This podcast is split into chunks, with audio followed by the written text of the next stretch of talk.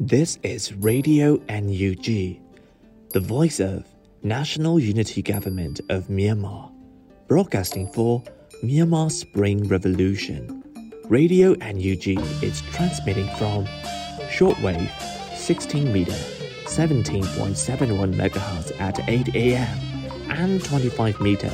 11.965 megahertz at 8 p.m. Myanmar Standard Time. မင်္ဂလာပါခင်ဗျာအမျိုးသားညီညွတ်ရေးအစိုးရရဲ့အတန်လွင့်ဌာန Radio NUG ကို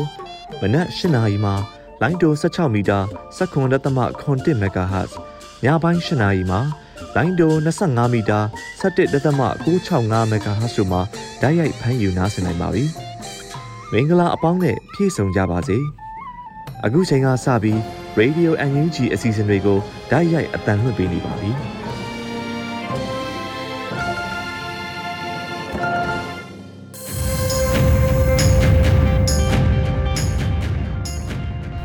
မြန်မာနိုင်ငံသူနိုင်ငံသားအပေါင်းတဘာဝပင်စစ်အာဏာရှင်ဘေးတို့ကနေကင်းဝေးပြီးကိုစိတ်နှပါကျမ်းမာလုံခြုံကြပါစေလို့ရေဒီယိုအန်ယူဂျီအဖွဲ့သားများကဆုတောင်းမေတ္တာပို့သလာရပါတယ်ရှင်။အခုချိန်မှစပြီးကာကွယ်ဝိညာဉ်ဌာနမှထုတ်ဝေသောစစ်ရေးတရေအကျဉ်းချုပ်ကိုတင်ဆက်ပေးသွားမှာဖြစ်ပါတယ်ရှင်။လူသားညီညွတ်ရေးအစိုးရကာကွယ်ရေးဝန်ကြီးဌာနမှထုတ်ဝေတဲ့နေ့စဉ်စစ်ရေးတရင်ကျဉ်းချုပ်ကိုတင်ဆက်ပေးမှာဖြစ်ပါတယ်။ကျွန်တော်ဟိန်းကိုကိုပါ။ စစ်ကောင်စီနဲ့တိုက်ပွဲဖြစ်ပွားမှုသတင်းများအနေနဲ့ကချင်ပြည်နယ်မှာဒီဇင်ဘာ3ရက်နေ့မနက်9:00နာရီခန့်ကဗမော်မြို့နယ်ပါပေါင်းကျေးရွာအနီးမှာစစ်ကောင်စီတပ်အင်အား80ခန့်ကိုတင်ဆောင်လာတဲ့မော်တော်ဘုတ်2စီးကိုပြည်သူ့ကာကွယ်ရေးတပ်ပေါင်းစုများမှကြားဖြတ်တိုက်ခိုက်ခဲ့ပါတယ်။မွန်ပြည်နယ်မှာဒီဇင်ဘာ2ရက်နေ့ည7:00နာရီခန့်ကတထုံမြို့အောက်ကျင်းရက်ကွက်ရွှေစာရန်ဖျားရှိရုပ်သေးကုန်းအနီးမှာစစ်ကောင်စီကင်းလေကားတစ်စီးအားမွန်တထုံအထူးကာကွယ်ရေးတပ်ဖွဲ့ MTHSF မှဆွဲမိုင်းနဲ့တိုက်ခိုက်ခဲ့ပြီးစစ်ကောင်စီတပ်သား2ဦးထိခိုက်ဒဏ်ရာရကကားထိခိုက်ပျက်စီးသွားခဲ့ပါတယ်။ကရင်ပြည်နယ်မှာဒီဇင်ဘာ3ရက်နေ့နေ့လယ်12:50ခန့်ကဒီမော့ဆိုမြို့နယ်ထူရီပီလာကျေးရွာနဲ့ခြေတော်ရဖျားအနီးစစ်ကောင်စီတပ်နဲ့ KNI တပ်မတော် KA KNDF တို့ထိတွေ့တိုက်ပွဲပြင်းထန်ခဲ့ပါတယ်။စကိုင်းတိုင်းမှာဒီဇင်ဘာ3ရက်နေ့မနက်8:00နာရီခွဲခန့်က ကလေးမြို့နယ်မြစ်တာအရှိဘက်မှစစ်ကောင်စီတပ်များဒိုးနယ်ရွာအရှိဘက်ရှိ Ranger ကလေး Defense Force အဖွဲ့စခန်းသို့ဝင်ရောက်စီးနင်းရန်လာစဉ်နေမိုင်းဆွဲမိုင်းများနဲ့ကြားဖြတ်တိုက်ခိုက်ခံရပြီးစစ်ကောင်စီတပ်သား3ဦးသေဆုံးက6ဦးထိခိုက်ဒဏ်ရာရရှိခဲ့ပါတယ်။ဒီဇင်ဘာ3ရက်နေ့နေ့လယ်12နာရီခွဲအချိန်ကမုံရွာမြို့မှာစကိုင်းမြို့ကိုထွက်ခွာလာတဲ့စစ်ကောင်စီရင်နှံကိုစကိုင်းမုံရွာလမ်းပေါ်ရှိလယ်ကြီးကျေးရွာနဲ့နက်ခရိုင်ကျေးရွာကြားမှာ Farmers Revolutions Force SGG နဲ့စကိုင်း Special Attacking Force SSAF တို့မှပရိသာမိုင်းများနဲ့မိုင်းဆွဲတိုက်ခိုက်ခဲ့ပြီးကားစီထိမှန်ပျက်စီးကစစ်ကောင်စီတပ်သား3ဦးထပ်မံထိခိုက်ဒဏ်ရာရရှိခဲ့ပါတယ်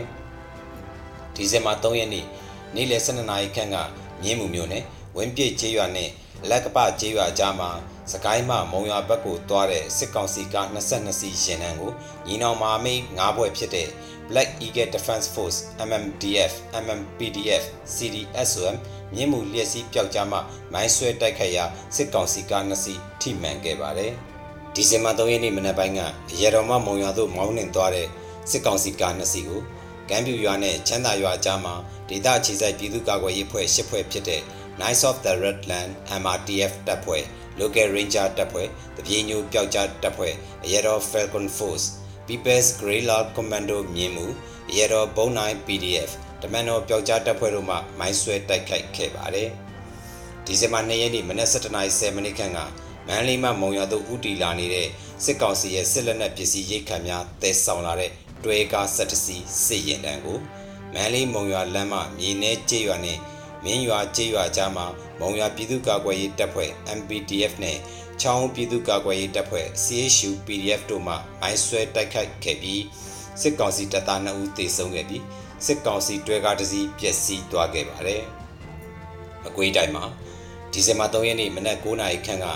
မြိုင်မြို့ပသိမ်မုံရွာလမ်းနဲ့ပခုတ်ကူလမ်းခွဲအစုံမြို့အထွက်စစ်ကောင်စီစစ်ဆေးရေးဂိတ်မှာလုံခြုံရေးတာဝန်ယူနေတဲ့စစ်ကောင်စီအင်အား10ဦးကျော်အားပြည်သူ့ကာကွယ်ရေးအဖွဲ့မြိုင်မှမိုင်းခွဲတိုက်ခိုက်ခဲ့ပါတယ်။ဒဒီဇင်ဘာ2ရက်နေ့ကမြိုင်မြို့နယ်ရှိဗဟင်းရဲစခန်းကိုပြည်သူ့ကာကွယ်ရေးအဖွဲ့မြိုင်မှအလစ်ဝင်တိုက်ခိုက်ခဲ့ပြီးရဲတပ်သား6ဦးနဲ့အနည်းဆုံးသေဆုံးခဲ့ပါတယ်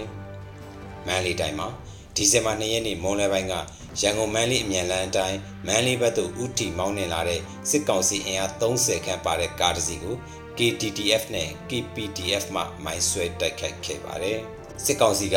ကျူးလွန်ခဲ့တဲ့ရှားဆွဲမှုတွေကတော့ကရင်ပြည်နယ်မှာဒီဇင်ဘာ3ရက်နေ့နေ့လယ်12:50ခန့်ကဒီမော့ဆိုမြို့နယ်ထူရီပီလာကျေးရွာမှာစစ်ကောင်စီတပ်မှအကြောင်းမဲ့နေအိမ်၅လုံးကိုမီးရှို့ဖျက်ဆီးခဲ့ကြောင်းသိရပါတယ်။ချင်းပြည်နယ်မှာ ဒီဇင်ဘာ3ရက်နေ့ကပခုတ်ကူမြို့နယ်ပေါမြို့ဘက်မှမင်းတပ်မြို့သို့တင်သွင်းတဲ့ရိတ်ခါနဲ့စေဝါလမ်းကြောင်းကိုစစ်ကောင်စီတပ်များမှတားဆီးကန့်သက်ဖမ်းဆီးခြင်းကြောင့်မင်းတပ်မတူပီလမ်းကြောင်းတစ်လျှောက်ဒေသခံများနဲ့စစ်ပေးရှောင်ပြည်သူများပတ်စံရှိလျင်တော့ဝယ်စား၍မရကြောင်းသိရပါတယ်။တနင်္လာရီတိုင်းမှာဒီဇင်ဘာ3ရက်နေ့မနက်အစောပိုင်းကပလောမြို့နယ်ပိုးကုန်းကျေးရွာသို့ပလောမြို့ခလာရ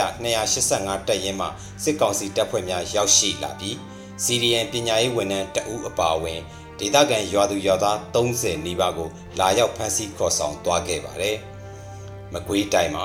ဒီဇင်ဘာ3ရက်နေ့မနက်8:10မိနစ်ခန့်ကပေါ့မြို့နယ်တောင်ပိုင်းတက်ကဲချင်းကျေးရွာသို့စစ်ကောင်စီတပ်သားများစစ်ကြောင်းထိုးလာတဲ့အတွက်ရွာလုံးကျွတ်ဒိမ်းရှောင်နေရပါတယ်။ဒီဇင်ဘာ3ရက်နေ့မနက်10:00နာရီခန့်ကစလင်းမြို့နယ်ပြည်သူ့ကာကွယ်ရေးအဖွဲ့ဝင်တအူးရဲ့မိခင်ကိုစစ်ကောင်စီတပ်သားများမှဖမ်းဆီးသွားခဲ့ပြီးဖုန်းတစ်လုံးနဲ့ laptop တစ်လုံးသိမ်းဆည်းသွားခဲ့ပါတယ်။ AR တိုင်းမှာဒီဇင်ဘာ3ရက်နေ့မနက်9:45မိနစ်ခန့်ကညောင်နှုံးမြို့ဘိုးမြထွန်းတရာကျိန်မင်းဆဲစစ်ဆေးရေးဂိတ်မှာရန်ကုန်မှပသိမ်တို့သွားတဲ့ငါးတင်တဲ့ကားကိုစစ်ဆေးမှုပြုလုပ်ကလူများကိုကားပေါ်မှာဆင်ခံရမစင်းသောကြောင့်စစ်သားနှင့်ရဲများမှဝိုင်းဝန်းထုရိုက်ပြီးဖမ်းဆီးထားခဲ့ပါတယ်။မနက်10:00နာရီမှာကားသမားမှစစ်ကောင်စီတပ်သားများတောင်းသောငွေပေးသောကြောင့်ပြန်လွတ်ပေးခဲ့ပါတယ်။ဟုတ်ကဲ့ပါ အခုသတင်းများကိုမြေပြင်သတင်းတာဝန်ခံများနဲ့သတင်းဌာနများမှဖော်ပြလာတဲ့အချက်အလက်များပေါ်အခြေခံပြီးပြုစုထားတာဖြစ်ပါတယ်ခင်ဗျာ။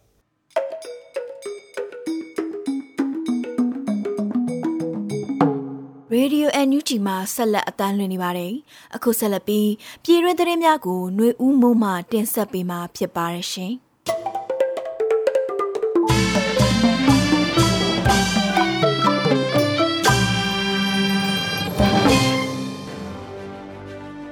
မင်္ဂလာပါအခုအချိန်မှာမနက်ခင်းသတင်းများကို တင်ဆက်ပေးသွားမှာဖြစ်ပါတယ်ကရင်ပြည်နယ်ကော့ဂရိတ်မြို့အဝင်မှာရှိတဲ့စစ်ကောင်စီ၏တတက်ကျိုးအဖွဲ့ဆောင်စစ်ဆေးရေးဂိတ်မှာခရီးသည်တွေဟာကုန်စီနဲ့ခရီးဆောင်အိတ်တွေကိုဖွင့်ဖောက်စစ်ဆေးခံနေရပြီးပျက်စီးပြတ်ဆုံးတာတွေရှိနေပါတယ်ရခင်ကမြဝတီမြို့အဝင်တင်ငန်းညီနောင်ဂိတ်ကိုလည်းစစ်ကောင်စီရဲ့တပ်နေရဲတွေကမြို့ဝင်မြို့ထွက်စစ်ဆေးရေးဂိတ်အနေနဲ့ ဆက်လက်ဖွင့်လှစ်ထားပါသေးတယ်ခရီးသက်တင်ရှင်နဲ့ကုန်တင်ရှင်မောင်းနေစီမှလုံကြုံရေးအကြောင်းပြချက်မျိုးစုံသုံးပြီးငွေကြေးတောင်းခံစားတောင်းနေကြပါတယ်။ရင်ပေါ်ပါလာသမျှခရီးဆောင်အိတ်တွေနဲ့ကုန်ပစ္စည်းတွေကိုဓာတ်နဲ့ထိုးခွဲတာမျိုးပါဆယ်ပစ္စည်းတွေကိုတစ်ခုချင်းစိတ်ကြိုက်ဖွင့်ဖောက်ကြည့်ရတဲ့ကြောင်းခရီးသွားများ၏ကုန်ပစ္စည်းတွေပျက်စီးပြတ်ဆုံးတာမျိုးဖြစ်ပေါ်လျက်ရှိနေပါတယ်။အခုလိုတရလွန်စစ်ဆေးပြောက်ရှမှုတွေကြောင့်ဂျင်မောင်းတွေဘက်ကပစ္စည်းပိုင်ရှင် ခရီးသည်တွေကိုပြန်လည်အယော်ပေးရတဲ့ဖြစ်စဉ်တွေလည်းကြုံနေကြရတာပါ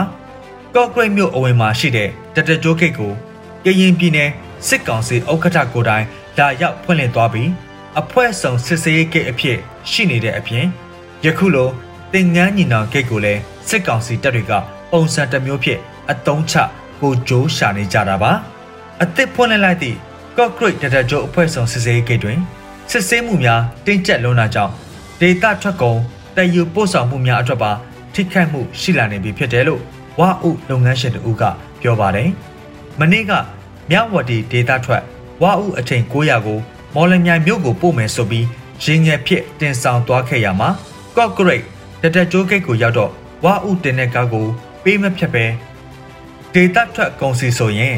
ဒေတာစိုက်ပျိုးရေးဌာန၏ထောက်ခံချက်နဲ့ကုန်သွယ်ခုံတွေပါမှပေးဖြတ်မဲလို့ပြောကြောင်း ဝါဥလုပ်ငန်းရှင်တို့ကပြောပါတယ်။တရားမဝင်ကုန်သွယ်မှုအားထိန်းချုပ်နိုင်ရန်ဆိုတဲ့အကြောင်းပြချက်နဲ့စစ်ကောင်စီမှကော့ဂရိတ်တတကြိုးအဖွဲ့ဆောင်ဂိတ်ကိုဖွင့်လှစ်ပြီးနောက်ကုန်စည်များအပြင်လိုင်စင်မဲ့ရင်များကိုပါဖျက်တမ်းသွာလာခွင့်ကန့်သတ်နေတာမို့လိုင်စင်မဲ့ရင်များသာအသုံးပြုသွာလာနေကြတဲ့ဒေသခံပြည်သူများအဖို့အခက်အခဲမျိုးစုံကြုံနေကြရကြောင်းပါခင်ဗျာ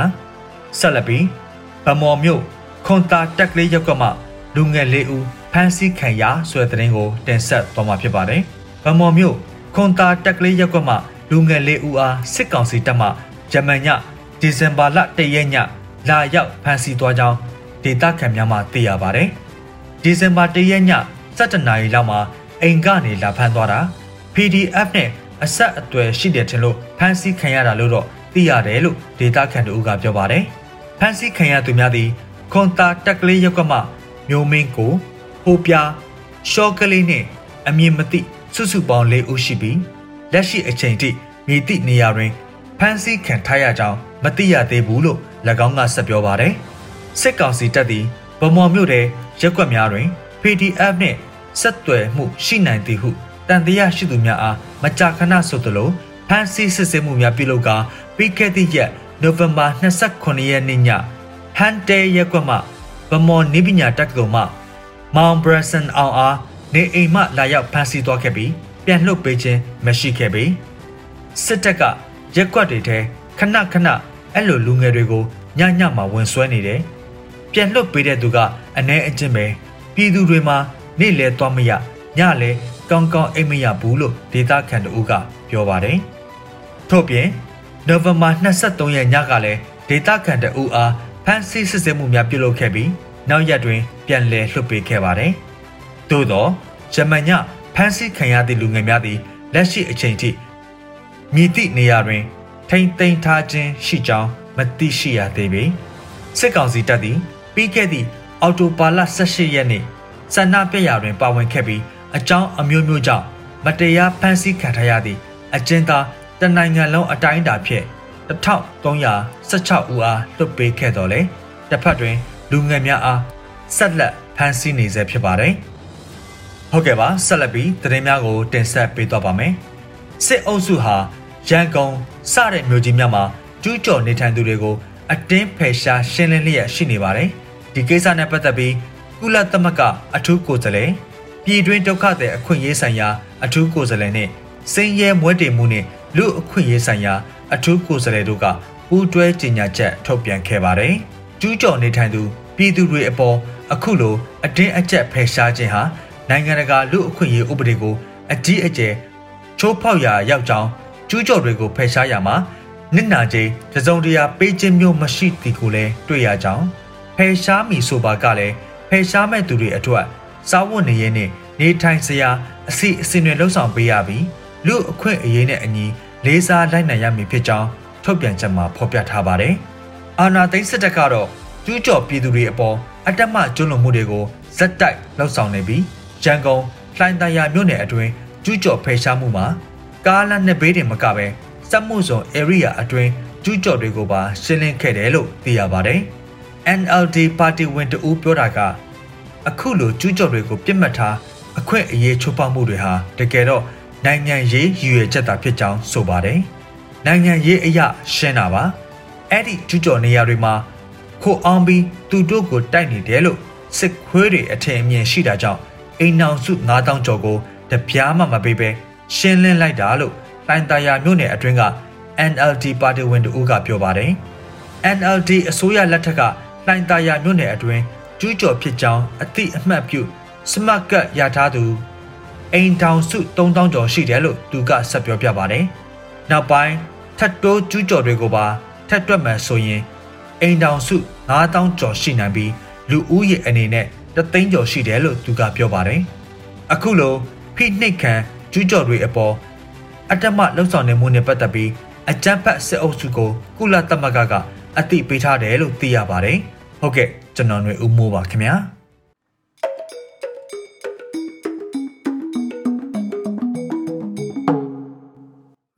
Radio NUG မှာဆက်လက်အတန်းလွှင့်နေပါတယ်။အခုဆက်လက်ပြီးပြည်သူတိုက်ပွဲသတင်းများကိုမင်းနိုင်ຫນွေဦးမှတင်ဆက်ပေးမှာဖြစ်ပါတယ်ရှင်။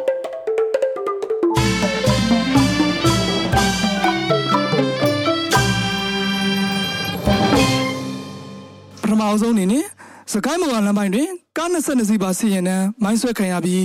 စစ်ကား2စီးထိမှန်တဲ့တဲ့ရင်ကိုတင်ဆက်ပေးမှာပါ။ စကိုင်းမှာမုံအောင်တို့ထွက်ခါလာတဲ့စစ်ကောင်စီရဲ့22စီးပါရင်နှန်းကိုဖလက်အီကက်ဒဖန်ဖို့ MNU အဖွဲ့နဲ့မဟာမိတ်လေးဘွဲ့ပူးပေါင်းကဝမ်ပြစ်ကျွာနဲ့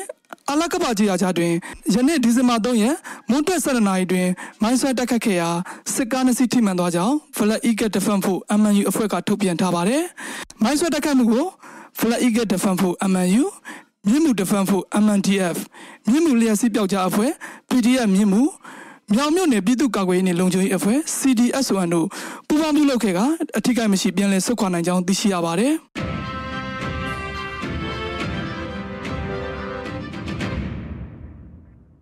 ဆက်လက်ပြီးရန်ကုန်တိုင်းလိုင်မြို့နယ်ဖရောက်ချောင်းရဲစခန်းမှာနေရရတဲ့အပြစ်ခံရတဲ့တဲ့ရင်ကိုတင်ဆက်ပေးမှာပါ။လိုင်မြို့နယ်ဖရောက်ချောင်းရဲစခန်းမှာရတကြကြီးကမောင်ဝင်းဟာယနေ့နေ့၈နာရီချိန်လိုင်မြို့နယ်ဖရောက်ချောင်းကရက်ကွက်စီ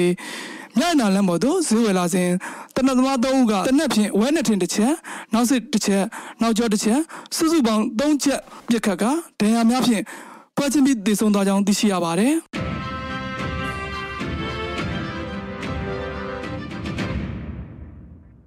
ဆက်လက်ပြီးမြိုင်တွင် PDF ပစ်ခတ်မှုကြောင့် virus ကမှရဲ6ဦးသေဆုံးတဲ့တဲ့တင်ကိုတင်ဆက်ပေးမှာပါမြိုင်မြို့နယ် virus ကကိုယမန်နေ့ညနေပိုင်း PDF များကဝင်ရောက်ပစ်ခတ်ခဲ့ရာ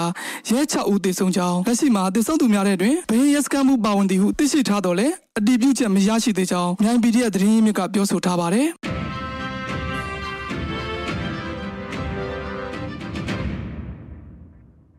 ဆက်လက်ပြီးရန်ကုန်မန္တလေးအမြန်လမ်းတွင်စီရင်တန်းကိုကြောက်စပီဒီယာများပူးပေါင်းတိုက်ခတ်ခဲ့တဲ့တဲ့ရင်ကိုတင်ဆက်ပေးမှာပါရန်ကုန်မန္တလေးအမြန်လမ်းမိုင်းတန်အမှတ်343မိုင်9ဖာလုံးတွင်အေအား30ကျော်လိုက်ပါလာတဲ့စစ်ကောင်စီရင်တန်းကိုကြောက်စပီဒီယာတပ်ဖွဲ့ကဒီဇင်ဘာလ2ရက်နေ့မွန်းလွဲတနာရီမိနစ်40တွင်မိုင်း6လုံးခွဲတိုက်ခိုက်ကြောင်းကြောက်စပီဒီယာက သတင်းထုတ်ပြန်ထားပါတယ်။ဒီဇင်ဘာလ2ရက်နေ့မွန်းလက်တနာရီ40မိနစ်အချိန်ရန်ကုန်မန္တလေးအမြန်လမ်းအတိုင်းမန္တလေးမြို့သို့ဥတင်မောင်းနေလာတဲ့လက်နက်အပြည့်စုံနဲ့အင်အား30ကျော်ခန့်လိုက်ပါလာတဲ့အကြမ်းဖက်စစ်ကောင်စီရင်နှန်းကိုကြောက်စဲခရိုင်ကာကွယ်ရေးတပ်ဖွဲ့ KTTF နဲ့ People Defense ဖို့ကြောက်စဲမဟာမိတ်ညီနောင်ပူးပေါင်းအဖွဲ့ကအမြန်လမ်းမိုင်းနယ်အမှန်343မိုင်9ဖာလုံးတွင်ကားမိုင်း6လုံးဖြင့်ဖောက်ခွဲတိုက်ခတ်ခဲ့ခြင်းဖြစ်ကြောင်းသိရှိရပါတယ်။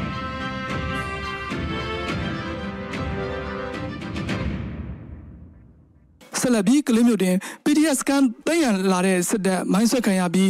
သုံးတည်ဆုံတဲ့တဲ့ရင်ကိုတင်ဆက်ပေးမှာပါစကိုင်းတိုင်းကလေးမြို့နယ်လေချာရှားတော့ကျွရများကိုမိတင်ရှိုက PDF စကန်တစ်ခုသိမ်းရလာတဲ့အကြမ်းဖက်စစ်ကြောင်းကို Ranger ကလေးတပ်ဖွဲ့ကယနေ့ဒီဇင်ဘာလ3ရက်နနက်8နာရီမိနစ်30အချိန်လင်းမိုင်းဆွဲမိုင်းနဲ့ကြားဖြတ်တိုက်ခတ်ခဲ့ရာစစ်သား3ဦးတည်ဆုံကြောင်း Ranger ကလေးတပ်ဖွဲ့ကသတင်းထုတ်ပြန်ထားပါတယ်အဆိုပါတိုက်ခိုက်မှုကြောင့်စစ်ကောင်စီတပ်ဖွဲ့ဝင်3ဦးတည်ဆုံကအများပြဒဏ်ရာရရှိသွားကြောင်းဒဏ်ရာရရှိသူအရေအတွက်ကိုမသိရှိရသေးကြောင်းထုတ်ပြန်ချက်တင်ပါရှိပါတယ်အကြမ်းဖက်စစ်ကောင်စီတပ်များဟာဒလန်လန်းပြဥဆောင်မှုဖြင့်စစ်ကြောင်း၃ကြောင်းအင်အား120ကျော်ဖြင့် Ranger ကလေး Defense Force စီတို့ပိတ်ဆို့စကန်တင်ရန်တက်လာစဉ် Ranger ကလေးတပ်ဖွဲ့ကကြိုတင်သတင်းရရှိသည့်အတွက်ဖောက်ခွဲတိုက်ခတ်ခဲ့ခြင်းမှာ Ranger ကလေးတပ်ဖွဲ့ဝင်များတစုံတအူဖမ်းဆီးခံရခြင်းမရှိအထိကိမရှိဘဲဘေးလွတ်ရာတိတ်ဆောင်နိုင်ခဲ့ကြောင်းထုတ်ပြန်ချက်တင်ပါရှိပါတယ်။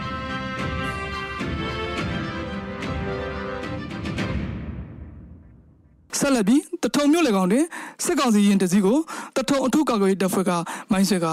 စစ်သား2ဦးထိခိုက်တဲ့တဲ့ရင်ကိုတင်ဆက်ပေးမှာပါမွန်ပြည်နယ်တထုံမြို့လေကောင်ရွှေစာရန်ဖျားနီးပိဋကတ်သုံးပုံအဝိုင်းတွင်အကြမ်းဖက်စစ်ကောင်စီရဲ့ကင်းတောက်မော်တော်ယာဉ်တစ်စီးကိုဒီဇင်ဘာလ2ရက်နေ့ယမန်နေ့ည7:00နာရီခွဲခန့်တွင်မွန်တထုံအထူးကာကွယ်ရေးတပ်ဖွဲ့ MDHSF က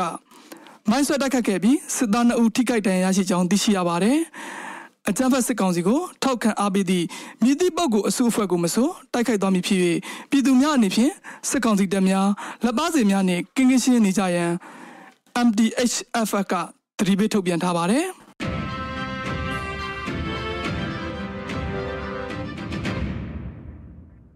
နောက်ဆုံးအနေနဲ့အမျိုးသားညီညွတ်ရေးအစိုးရပြည်ထောင်စုနဲ့လူဝင်မှုကြီးကြပ်ရေးဝန်ကြီးဌာနကဒီဇင်ဘာလ3ရက်ရက်စွဲနဲ့ထုတ်ပြန်တဲ့ ပြည်သူ့ခုခံတော်လှန်စစ်တရင်ချက်လက်တွေကိုတင်ဆက်ပေးသွားမှာပါအာဏာသိမ်းအကြမ်းဖက်စစ်အုပ်စုရဲ့ပြည်သူလူထုအပေါ်အကြမ်းဖက်ဖိနှိပ်ဖမ်းဆီးတိုက်ခိုက်တပ်ဖြတ်နေမှုများကိုပြည်သူလူထုတရက်လုံးကအသက်ရှင်နိုင်ရေးအတွက်မိမိကိုယ်ကိုမိမိခုခံကာကွယ်ပိုင်ခွင့်အရာပြည်သူခုခံစစ် People Defense War ကိုဆွေးနွေးလျက်ရှိပါတယ်။တရင်ချက်လက်များအရ2ရက်12လ2021ရက်နေ့တွင်စစ်ကောင်စီတပ်ဖွဲ့ဝင်68ဦးသေဆုံးပြီးထိခိုက်ဒဏ်ရာရှိသူ9ဦးထိခုခံတိုက်ခိုက်နိုင်ခဲ့ပါတယ်။ အာဏာရှင်စနစ်မြမမျိုးပေါ်မှာအပြစ်ဒဏ်ချုပ်ငြိမ်းရေးနဲ့ Federal Democracy တည်ဆောက်ရေးအတွက်ငြိမ်းချမ်းစွာဆန္ဒပြသည့်လူလူတပိတ်တိုက်ပွဲများကပြည်내နဲ့တိုင်းဒေသကြီးများမှာဖြစ်ပွားပေါ်ပေါက်လျက်ရှိပါတယ်။မြေပြင်မှာယခုတွေ့ရှိရတဲ့သတင်းအချက်အလက်များတဲ့ပို၍ဖြစ်ပွားနိုင်ပါတယ်ခင်ဗျာ။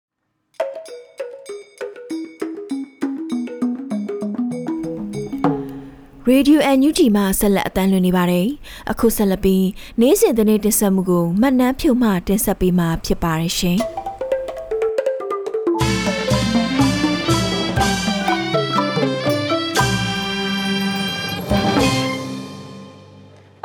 ဆုံးအနေနဲ့ဂျားကာလာဒေသန္တရပြည်သူ့အုပ်ချုပ်ရေးဖော်ဆောင်မှုဗဟိုကော်မတီအစည်းအဝေးကိုအမျိုးသားညီညွတ်ရေးအစိုးရပြည်ထောင်စုဝန်ကြီးချုပ်ဦးဆောင်ပြုလုပ်ခဲ့တဲ့တဲ့င်းကိုတင်ဆက်ပေးခြင်းပါတယ်။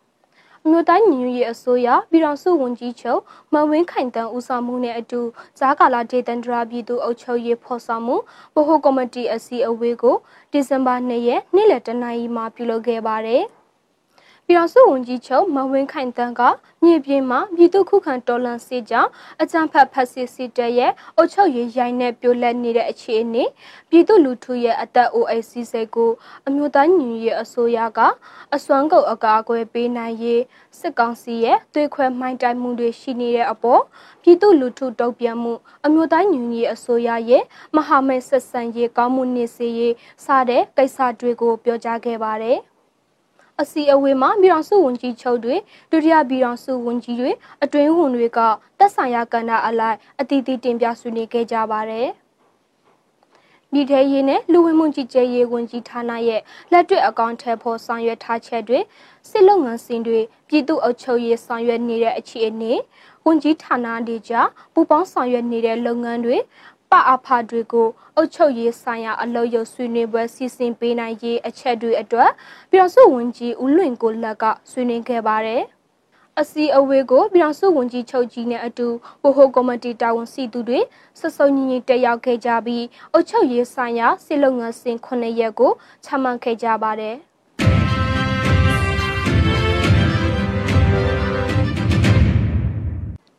မတန်ဆွမ်းလူအခွင့်အရေးအပြည့်အဝရရှိရေးကိုမတန်ဆွမ်းသူတွေနဲ့လက်တွဲပြီးအစွမ်းကုန်ကြိုးပမ်းသွားမယ်လို့အတိတ်ထံပြုကြောင်းအပြည့်ပြည့်ဆိုင်ရာမတန်ဆွမ်းသူများနေမှာအန်ယူဂျီကကတိပြုလိုက်တဲ့သတင်းကိုတင်ဆက်ပေးချင်ပါတယ်။ အာဏာသိမ်းပြီးတဲ့နောက်မှာမတန်ဆွမ်းတွေရဲ့အခွင့်အရေးတိုးတက်မှုတွေရပ်တန့်သွားတဲ့အပြင်စစ်ကောင်စီရဲ့အကြမ်းဖက်မှုကြောင့်မတန်ဆွမ်းတွေဖမ်းဆီးထိတ်သိမ်းခံရတာတပ်ဖြတ်ခံရတာတွေရှိသလိုနေရစွန့်ခွာထွက်ပြေးရတာတွေလည်းရှိတယ်လို့ပြည်တော်စုဝန်ကြီးဒေါက်တာဝင်းမြတ်အေကပြောပါတယ်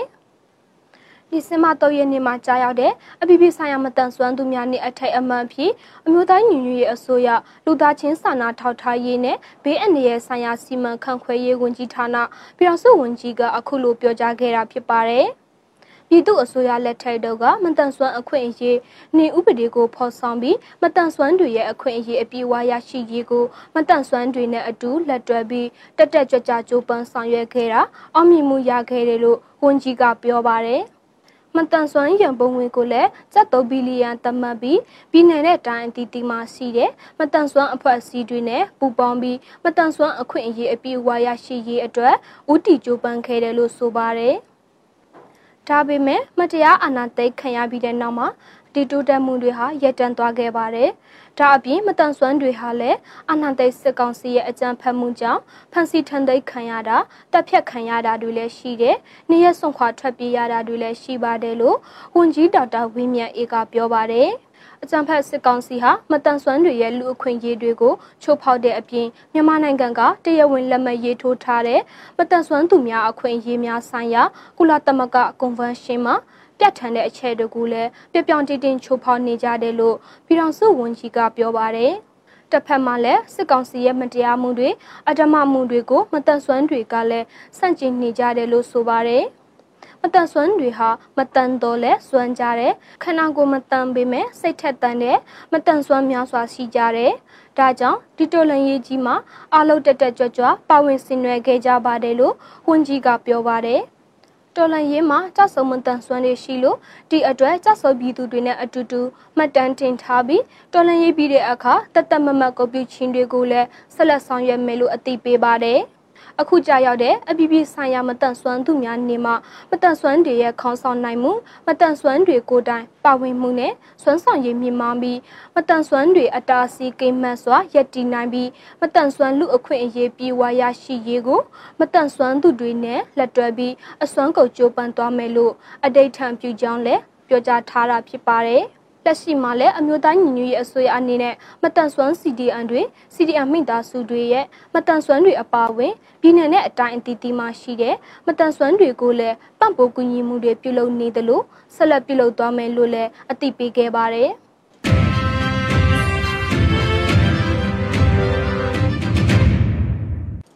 ဆက်လက်ပြီးဒီဇင်ဘာ10ရက်နေ့မှာကြာရောက်မဲ့အပြည်ပြည်ဆိုင်ရာလူအခွင့်အရေးနှင့်အထက်အမှန်အဖြစ်စိုက်တုံနေတဲ့လူအခွင့်အရေးတော်လှန်ရေးနဲ့တိတ်ပိုက်ကြဆိုတဲ့လူအခွင့်အရေးလှုပ်ရှားမှုမှာပါဝင်ဖို့နှိုးဆော်ထားတဲ့သတင်းကိုတင်ဆက်ပေးမှာဖြစ်ပါတယ်။စိုက်တုံနေတဲ့လူအခွင့်အရေးတော်လှန်ရေးနဲ့တိတ်ပိုက်ကြဆိုတဲ့လူအခွင့်အရေးနဲ့လှုပ်ရှားမှုမှာပါဝင်ကြဖို့အမျိုးသားညီညွတ်ရေးအစိုးရလူအခွင့်အရေးဆိုင်ရာပြည်ထောင်စုဝန်ကြီးဦးအောင်မျိုးမင်းကနှိုးဆော်ထားပါတယ်။ ဒီဇင်ဘာ10ရက်မှာကြာရောက်တဲ့အပြည်ပြည်ဆိုင်ရာလူအခွင့်အရေးနှင့်အထက်အမှန်လှုပ်ရှားမှုမှာပါဝင်ကြဖို့ပြည်တော်စုဝန်ကြီးကပြည်သူတွေကိုတိုက်တွန်းထားတာပါအပြည်ပြည်ဆိုင်ရာလူအခွင့်အရေးနှင့်လှုပ်ရှားမှုကိုကမ္ဘာတဝန်းမှာပြုလုပ်နေသလိုမြန်မာနိုင်ငံမှာလည်းနှစ်စဉ်လူအခွင့်အရေးနှင့်ကိုပြုလုပ်ကြပါတယ်ဒီနှစ်မှာတော့မြန်မာပြည်သူတွေဟာလူအခွင့်အရေးနှင့်ကိုကျင်းပပြုလုပ်ရမယ့်အစားလူအခွင့်အရေးချိုးဖောက်မှုတွေစစ်အာဏာရှင်ရဲ့ ရာဇဝမှုကျူးလွန်မှုတွေကိုခန်းစားနေကြရတာဖြစ်ပါတယ်။စစ်အာဏာရှင်ကမြန်မာပြည်သူတွေအပေါ်နီလာပေါင်းစုပ်သုံးပြီးလူအခွင့်အရေးချိုးဖောက်မှုတွေကိုပုံမကျူးလွန်လာသလိုလူတိုင်းရဲ့အခွင့်အရေးတွေကိုရက်ဆက်တဲ့နီလာမျိုးစုပ်သုံးပြီးကျူးလွန်နေတာကိုလည်းတွေ့ရပါတယ်လို့ပြည်တော်စုဝန်ကြီးရဲ့နှိုးဆော်ချက်မှာရေးသားထားပါတယ်။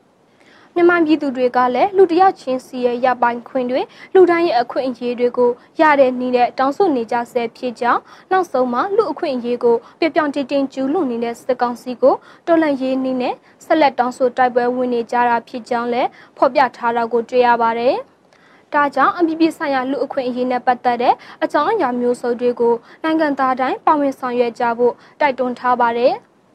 ပြည်သူကပြည်သူကိုကူညီကြရင်ကိုပိုင်လူအခွင့်အရေးတွေပြန်လည်ရရှိဖို့မြန်မာနိုင်ငံသားတိုင်းပါဝင်ဆောင်ရွက်နိုင်မယ်ကမ်ပိန်းလေးနဲ့စတင်လိုက်ပါမယ်။ဒါကတော့စိတ်သုံးနေတဲ့လူအခွင့်အရေးတော်လှန်ရေးနဲ့တိတ်ပိုက်ကြဆိုတဲ့ဆောင်ပုဒ်လေးနဲ့အတူလူအခွင့်အရေးစိတ်သုံးနေတဲ့နိုင်ငံတော်မှာနေထိုင်ကြရတဲ့ပြည်သူတွေအရေးကိုကမ္ဘာတဝန်းလုံးသိမြင်လာအောင်နှိုးဆော်ကြရအောင်ပါလို့ရေးသားထားပါတယ်။ စိတ်သုံးနေတဲ့လူအခွင့်အရေးတော်လှန်ရေးနဲ့တိုက်ပိုက်ကြကမ်ပိန်းမှာပါဝင်လိုသူတိုင်းကစောင့်ပုတ်နဲ့အတူတပ်ပုံရိုက်ပြီး Facebook အကောင့်တွေပေါ်မှာပို့တင်ပြီးပါဝင်နိုင်တယ်လို့လည်းအသိပေးထားပါတယ်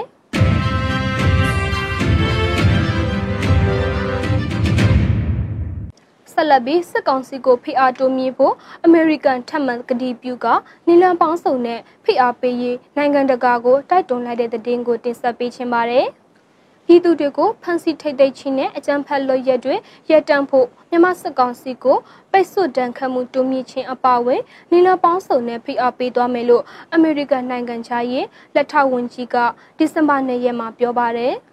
ထပ်တိုးလှုပ်ဆောင်လို့ရမယ့်နီလန်တွေအားလုံးကိုကျွန်တော်တို့စဉ်းစားနေပါတယ်မြန်မာပြည်သူတွေအပေါ်ကျူးလွန်နေတဲ့အကြမ်းဖက်မှု လက်ခံနိုင်ဖွယ်မရှိတဲ့အာဏာသိမ်းမှုနဲ့ကျွန်တော်တို့တက်ရောက်ပြောင်းလဲနိုင်တဲ့ဘယ်အရာကိုမဆိုလှုပ်ဆောင်ဖို့အမေရိကန်သမဂနိုင်ငံတကာအတိုင်းအဝိုင်းမှာပါတာဝန်ရှိပါတယ်လို့အမေရိကန်နိုင်ငံသားရေးဝန်ကြီးဌာနရဲ့အရှိအာဆာနဲ့ပစိဖိတ်ရေးရာဝန်ကြီးမစ္စတာဒန်နီယယ်ဂရင်တင်ဖရင်ကပြောပါတယ်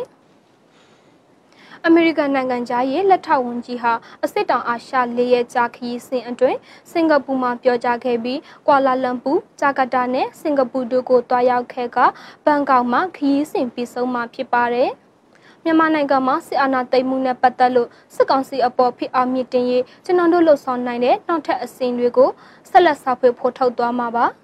ဖိနှိပ်မှုတွေလှုပ်ဆောင်ဖို့စစ်ကောင်စီရရှိနေတဲ့ဗန်ဒါရေးစီကြောင်းတွေကိုဖျက်တောက်သွားမှာပါလို့လက်ထောက်ဝန်ကြီးဒန်နီယယ်ခရစ်တင်ဖရင်ကပြောပါတယ်